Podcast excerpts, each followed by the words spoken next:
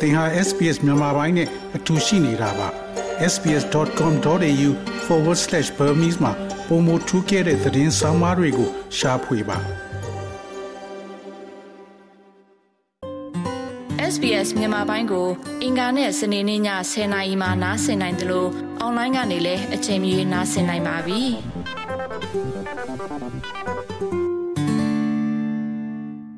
မျိုးပြစစ်စင်ရတော့အဓိကတော့ နောက်ဆုံးတိုက်ပွဲပေါ့နော်အဆုံးသက်ပဲမျိုးပေါ်တွေကျွန်တော်တို့ထိမ့်သိမ့်နိုင်ပြီတိုက်နိုင်ပြီဆိုရင်တော့ကျွန်တော်တို့တော်လိုင်းရပြီးတော့ဖြစ်သွားပြီပေါ့နော်ပွင့်လင်းရာသီပွဲတော်ကာလနဲ့အတူခက်စိတ်စိတ်ထွက်ပေါ်လာနေတာကမြို့ပြလှုပ်ရှားမှုသတင်းတွေပါတော်လန်ရေးကာလနှစ်နှစ်နာနီလာချိန်အာနာသိန်းကာလကြာလာတာနဲ့အမျှဒေသခံကာကွယ်ရေးတပ်ဖွဲ့တွေမြို့ပြပျောက်ကြားတပ်ဖွဲ့ဝင်တွေနဲ့တပိတ်ဖွဲ့ဝင်တွေကတော်လန်ရေးကိုအရှိန်မြင့်တင်ပြီးစစ်ကောင်စီကိုဖိအားပေးတိုက်ခိုက်ဖို့ကြိုးပမ်းလာကြပါတယ်။ မြို့ပြတိုက်ပွဲတွေကိုဖော်ဆောင်မှုရည်ရွယ်လာကြပေမဲ့စစ်ကောင်စီကိုတိုက်ခိုက်ရင်တပ်ဖက်ကပြည်သူတွေရဲ့အသက်အိုးအိမ်ကိုမတိကိုက်အောင်ဟန်ချက်ညီပုံဖော်ဖို့ဆိုတာဟာလေကာကွယ်ရေးတပ်ဖွဲ့ဝင်တွေအတွက်စိန်ခေါ်ချက်တစ်ခုဖြစ်နေတာပါ။အမျိုးသားညီညွတ်ရေးအစိုးရအန်ယူဂျီကာကွယ်ရေးဝန်ကြီးဌာနရဲ့လက်အောက်ခံတပ်ရင်တစ်ခုဖြစ်တဲ့မကွေးတိုင်းအခြေစိုက်တပ်ရင်တစ်ခုဟာလည်းမြို့ပြတိုက်ပွဲတွေကိုဖော်ဆောင်မှုကြိုးပမ်းဆောင်ရွက်နေပါတယ်။ တော်လန်ရေးရဲဘော်တွေကိုဇူလိုင်လလောက်ခရဲကကွန်မန်ဒိုသင်ငန်းစာတွေတင် जा ပေးပြီးမြို့ပြစစ်စင်ရေးကိုဖော်ဆောင်ဖို့စခန်းသိမ်းတိုက်ပွဲတွေအတွက်ပြင်ဆင်ထားတယ်လို့ဆိုပါတယ်။ဒီလိုအချိန်ယူတင် जा ပြီးအထက်မြင့်အစာအုပ်ပုံစံမျိုးတွေနဲ့တိုက်ပွဲဖော်ဆောင်သွားမယ့်အခါလက်နက်ခဲယမ်းတွေလည်းလိုအပ်နေတယ်လို့တရင်မှုကိုဆိုမိုကပြောပါတယ်ကျွန်တော်တို့ကတောထဲမှာစစ်ကောင်စီရှိနေတောထဲမှာတိုက်နေတောရင်းစစ်စေပေါ့နော်မြို့ပေါ်မှာစစ်ကောင်စီရှိလို့မြို့ပေါ်လိုက်တိုက်ရင်လည်း ပြည်သူတွေကထင်ကြတယ်မျိုးရင်းစစ်စင်လို့မြန်မာပြည်အနှံ့မှာစစ်ကောင်စီရှိတဲ့နေရာတော့ကျွန်တော်တို့တက်နိုင်တော့လိုက်တိုက်မှာပဲကျွန်တော်တို့အခုကွန်မန်ဒို train နေတယ်မျိုးပြစစ်စင်ရေးအတွက်ပေါ့နော်မျိုးပြစစ်စင်ရေးအတွက်ကျွန်တော်တို့အတွက်အထိခိုက်မှုအများကြီးရှိတယ်ပြည်သူတွေအတွက်ထိခိုက်နိုင်တယ်အဲ့အတွက်လည်းကျွန်တော်တို့စနစ်တကျလေ့ကျင့်ပေးနေတယ်ထိခိုက်မှုနေအောင်ပေါ့နော်ပြည်သူတွေပေါ့မျိုးတစ်မျိုးကိုကျွန်တော်တို့သိမ်းနိုင်ပြီဆိုရင်တော့ကျွန်တော်တို့အတွက်အရန်ကောင်းမွန်တယ်လို့တော့ကျွန်တော်လည်းထင်တယ်ပေါ့နော်ဒီတောထဲမှာပဲကျွန်တော်တို့နေမြေစိုးမိုးမှုရနေလို့တော့မဖြစ်ဘူးမြို့ပေါ်လည်းကျွန်တော်တို့နေမြေစိုးမိုးမှုရအောင်ကျွန်တော်တို့စူးစမ်းမယ်ပေါ့နော်အဲ့အတွက်ကျွန်တော်တို့မျိုးပြစစ်စင်ရေးတွေကိုအဓိကထားတယ်ပေါ့တောထဲမှာတော့ကျွန်တော်တို့အခုချိန်ထိ ဆုံးမမှုရထားတာဆိုတော့မျိုးပြစစ်စေးတိုက်ပြီးတာနဲ့ကျွန်တော်တော်လိုင်းပြီးမယ်လို့တော့ကျွန်တော်ထင်တယ်အခက်ခဲရတော့အများကြီးပဲပြောအဓိကလိုအပ်ချက်ကတော့ကျွန်တော်တို့လက်နက်ခဲယမ်းပါနော်လက်နက်ခဲယမ်းအဓိကလိုအပ်တယ်ကွန်မန်ဒိုတယောက်အတွက်စစ်အသုံးဆောင်ပစ္စည်းရလဲဒါတချို့ပြည်သူလူထုတွေလည်းသိကြလေနေတာမှမဟုတ်တာအဲ့တော့ကျွန်တော်တို့ဘက်ကလည်းတက်နိုင်တယ်လို့ကြိုးစားတယ်ပြည်သူဘက်ကလည်းတက်နိုင်တယ်လို့ပါဝင်ကူညီပေးဖို့ကျွန်တော်ပြောချင်ပါတယ်ဗျ ဒီလိုလက်နက်လိုအပ်မှုတွေရှိနေတဲ့ကြားကပဲပြီးခဲ့တဲ့နှစ်ပတ်ကျော်ကဖော်ဆောင်ခဲ့တဲ့ကရင်ပြည်နယ်ကော့ဂရိတ်မြို့ပြတိုက်ပွဲဟာပြည်သူတွေအကြားပြောစမတ်ဖြစ်ခဲ့ပါတယ်။ဒေသခံကာကွယ်ရေးပူးပေါင်းတပ်ဖွဲ့ဝင်တွေကကော့ဂရိတ်မြို့ရဲ့ပွဲဥထွဲမြို့ပြတိုက်ပွဲကိုဖော်ဆောင်ခဲ့တာဖြစ်ပြီးကော့ဂရိတ်အချုပ်စခန်းကိုဖွင့်ပေးနိုင်တဲ့အထိစစ်ကောင်စီကိုဖိအားပေးခဲ့တဲ့တိုက်ပွဲလည်းဖြစ်ပါတယ်။ မြို့ပြပြောင်းတဲ့အတူကျွန်တော်တို့မြို့ကိုရောက်အောင်လာမယ်လို့ကြွေးကြော်တန်းတဲ့အတူ Lion Battalion Commando စစ်ကြောင်းကိုဗျူဟာမှုဘိုအဲစေဝါဦးဆောင်ကတော်လှန်ရေးတပ်ဖွဲ့တွေနဲ့ပူးပေါင်းတိုက်ခိုက်ခဲ့တာပါမြို့ပြတိုက်ပွဲနဲ့အတူဖိအားပေးတိုက်ခိုက်မှုကြောင့်စစ်ကောင်စီလေတပ်ကလည်းအကြိမ်ရေ90ထက်မနည်းလေကြောင်းတိုက်ခိုက်မှုတွေတံပြန်ပြုလုပ်ခဲ့ပါတယ်။ ဒီလိုတိုက်ပွဲတွေရဲ့နောက်ဆက်တွဲကြောင့်ဒေသခံတွေထောင်ချီအိုးအိမ်စွန့်ထွက်ပြေးခဲ့ရပြီးတိုက်ပွဲဖြစ်ခဲ့တဲ့အောက်တိုဘာ22ရက်မှာတော့ဒေသခံ၄ဦးသေဆုံးခဲ့က20ကျော်ထိခိုက်ဒဏ်ရာရရှိခဲ့ပါတယ်။ဒီလိုမျိုးပြတိုက်ပွဲတွေဖော်ဆောင်လာရတာနဲ့ပတ်သက်ပြီး Lion Battalion Commando Special Force ရဲ့ပြောရေးဆိုခွင့်ရှိသူကိုတက်နေဝင်းကအောက်ခြေရဲဘော်တွေအားလုံးဒီအိမ်ပြောင်းနေကောင်းနေပြီဒီတော်လိုင်းရေးပြီးမှသာအားလုံးကအိမ်ကိုပြန်နိုင်မှာ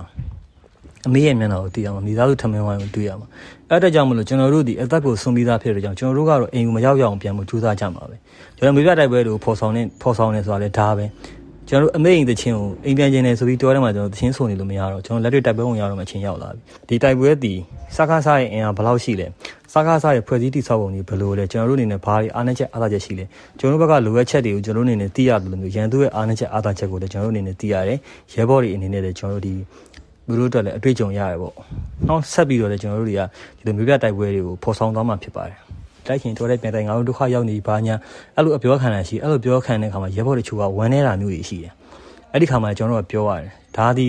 သူတို့ဘက်ကိုချမ်းကိုတိုက်တာဖြစ်တယ်သူတို့ဘက်ကစကားသံတွေပဲလာမှာပဲအဲ့တော့တဦးတယောက်တည်းရဲ့စကားသံတွေကျွန်တော်တို့ကနားဆိုင်ပြီးနားထောင်နေလို့မရဘူးတနိုင်ငံလုံးအတိုင်းအတာနဲ့ပြည်သူတွေရဲ့ပြည်သူတွေတကယ်လိုချင်တာဘာလဲဆိုတော့ကျွန်တော်နားထောင်ပြီးကျွန်တော်လို့စရာရှိတဲ့လို့ကိုဆက်လုပ်သွားအောင်ပါပဲ မြေပြင်တပ်ဖွဲ့ဝင်တွေနဲ့ပျောက်ကြားတပ်ဖွဲ့ဝင်တွေဟာတိုက်ပွဲကိုအရှိန်မြင့်မှုကြိုးပမ်းလာကြတဲ့အချိန်မှာပြည်သူတွေအနေနဲ့ကြော်လန့်ရေးကိုပါဝင်အားဖြည့်ပေးဖို့တပ်ဖွဲ့အင်အားစုအသီးသီးကလိုလားကြပါတယ်။ ပြီးခဲ့တဲ့သတင်းကျွတ်ကာလကစလို့မြန်မာပြည်တွင်လွတ်လွတ်လပ်လပ်အပျော်ခီးသွားကြတာတွေပြီးခဲ့တဲ့ Halloween ပါတီညဘက်ကလပ်တွေမှာလူစီကားနေတာတွေကအစားပြည်သူတွေရဲ့မွန်းကြက်မှုဖြစ်ပြောက်တဲ့အပေါ်နားလည်ပေမဲ့တစ်ဖက်မှာစစ်ကောင်စီရဲ့ပုံမှားတိုက်ခိုက်မှုတွေရှိလာမှာကိုလည်းကြော်လန့်ရေးအင်အားစုတွေကစိုးရိမ်နေကြတာပါမြန်မာပြည်သူတွေအတွက်တော့လက်ရှိမှာပွဲတော်တွေကိုလွတ်လွတ်လပ်လပ်ဆင်နွှဲခွင့်မရှိခဲ့တာ ကိုဗစ်ကာလနဲ့အာဏာသိမ်းကာလအတွင်းဆို၃နှစ်နီးပါးရှိခဲ့ပါပြီ။မဖြစ်မနေသွားလာစရာရှိနေရင်တော့အချိုးဖောက်ခံရတဲ့အခွင့်အရေးတွေကြားအသက်အန္တရာယ်အထိထိခိုက်နိုင်တဲ့ကြီးလက်စာစာအခြေအနေတွေကိုရင်ဆိုင်ကြုံတွေ့နေကြရတာပါ။အကယ်၍မြို့ပြတိုက်ပွဲတွေဖော်ဆောင်လာခဲ့မယ်ဆိုရင်လည်းစစ်အာဏာရှင်စနစ်အမြန်ချုပ်ငြိမ်းစေဖို့စိတ်နဲ့ပြင်ဆင်ထားတဲ့ဒေတာကန်တွေလည်းရှိနေပါတယ်။ ပြည်သူတဦးလည်းဖြစ်သူမြို့ပြကြိုက်ပွဲတွေကိုဖော်ဆောင်ဖို့ကြိုးပမ်းနေတဲ့ရဲဘော်တဦးရဲ့မိခင်လည်းဖြစ်တဲ့မက်မေနှင်းစီကတော့ဒါကအမားတို့မလွဲမတွေ့ကြုံရမယ်လို့ပဲအမားတို့ကြိုပြီးတော့လေတွေးထားပြီးသားလေဒါပေမဲ့တကယ်လဲကြုံလာရရောအမှန်တိုင်းပြောရမယ်ဆိုရင်တော့လေကြောက်လန့်စိတ်ကအရင်ဆုံးဝင်လာတာပေါ့မျိုးပြတိုက်ပွဲဆိုပြီးတာပြောပြီးဖော်ဆောင်ခဲ့ပြီမယ်လို့တစ်ဖက်ကတော့ပြည်သူလူထုငဲ့ညာပြီးတော့သူတို့လှုပ် တင်လှုပ်ထိုက်တလောက်တော့မလှုပ်တော့ဘူးလို့အမတော့ထင်တာပဲအမတို့လည်းစစ်အာဏာတွေကိုမလိုလားဘူးအမသားလည်းပြောထားတယ်လေအမွေးတဲ့သားတို့ပြန်ဆောင်ရဖို့အတွက်ကိုအမြန်ဆုံးဓာတ်ပွဲကြီးပြီးဆုံးမှအဲ့ဒါကြောင့်မလို့အမလည်းအမြင်နဲ့အမဖျားတခင်စီမစုတောင်းပါတယ်မြန်မာနိုင်ငံရဲ့စစ်မင်းကြီးအမြန်ဆုံးငြိမ်းပါစေ အာနာသိမ်းပြီးနောက်ပိုင်းနိုင်ငံအနှံ့တိုက်ခိုက်လာတဲ့စစ်ကောင်စီတပ်ဖွဲ့ဝင်တွေဟာကရင်၊ကယား၊ကချင်၊ချင်းပြည်နယ်နဲ့စကိုင်းတိုင်းမကွေးတိုင်းဘက်တွေကိုလက်နက်ကြီးလက်နက်ငယ်အပါအဝင်ချက်လီရဟတ်ရင်တွေသုံးပြီးအကြမ်းဖက်ဖြိုခွင်းနေတာပါဒီလိုဖြိုခွင်းနေတာတွေကိုဒေသခံကာကွယ်ရေးတပ်ဖွဲ့တွေနဲ့လက်နက်ကင်အဖွဲ့တွေကမပြည့်စုံတဲ့အခြေအနေပေါင်းများစွာကနေခုခံတော်လှန်နေကြရပါတယ်။ အာနာသိန်းကာလနှစ်နှစ်နီးပါးအတွင်း နိုင်ငံအနှံ့ကြိုက်ပွဲပေါင်း8900ကျော် ရှိနေပြီလို့ လွတ်လပ်တဲ့ သုတေသနအဖွဲ့ ISP မြန်မာက ပြီးခဲ့တဲ့လအတွင်း ထုတ်ပြန်ထားပါတယ်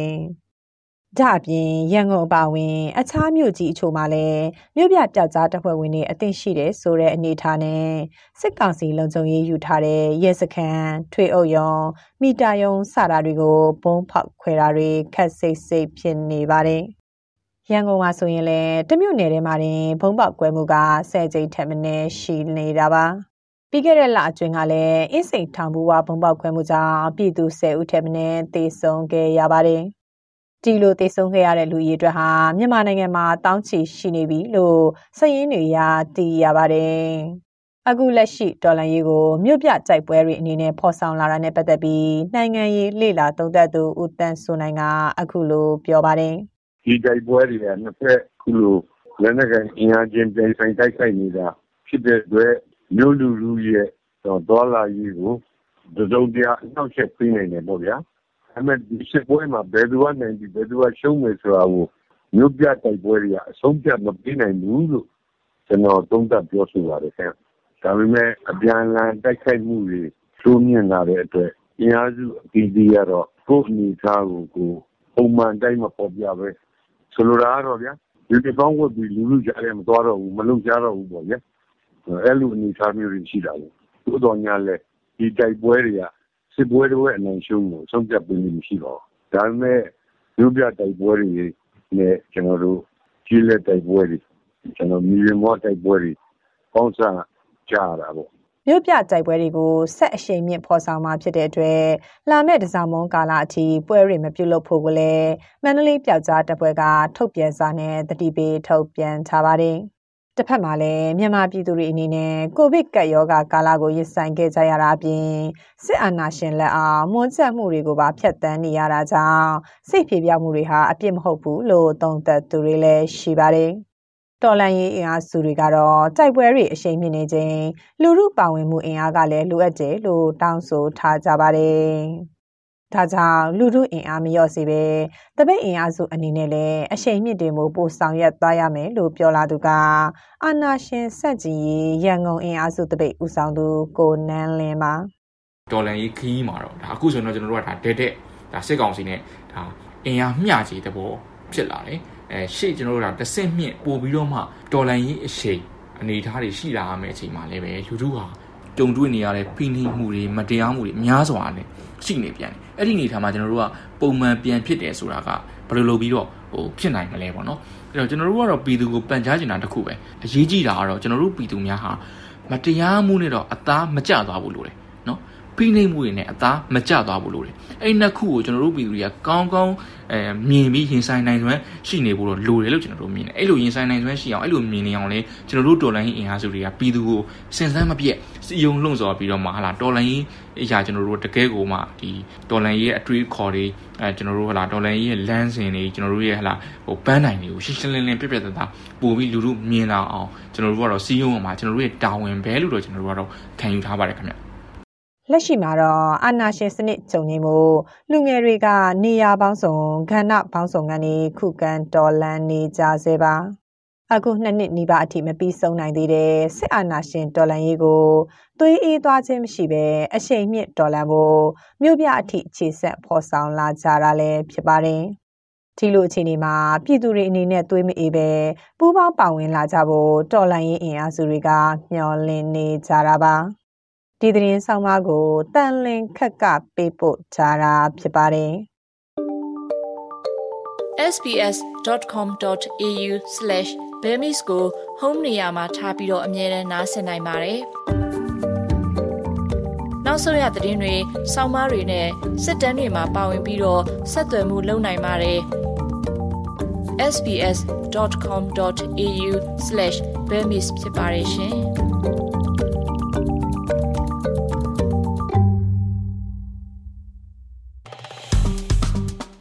SPS မြန်မာပိုင်းကို Facebook ပေါ်မှာ like ရှာပြီး like မျှဝေမှတ်ချက်ပေးပါ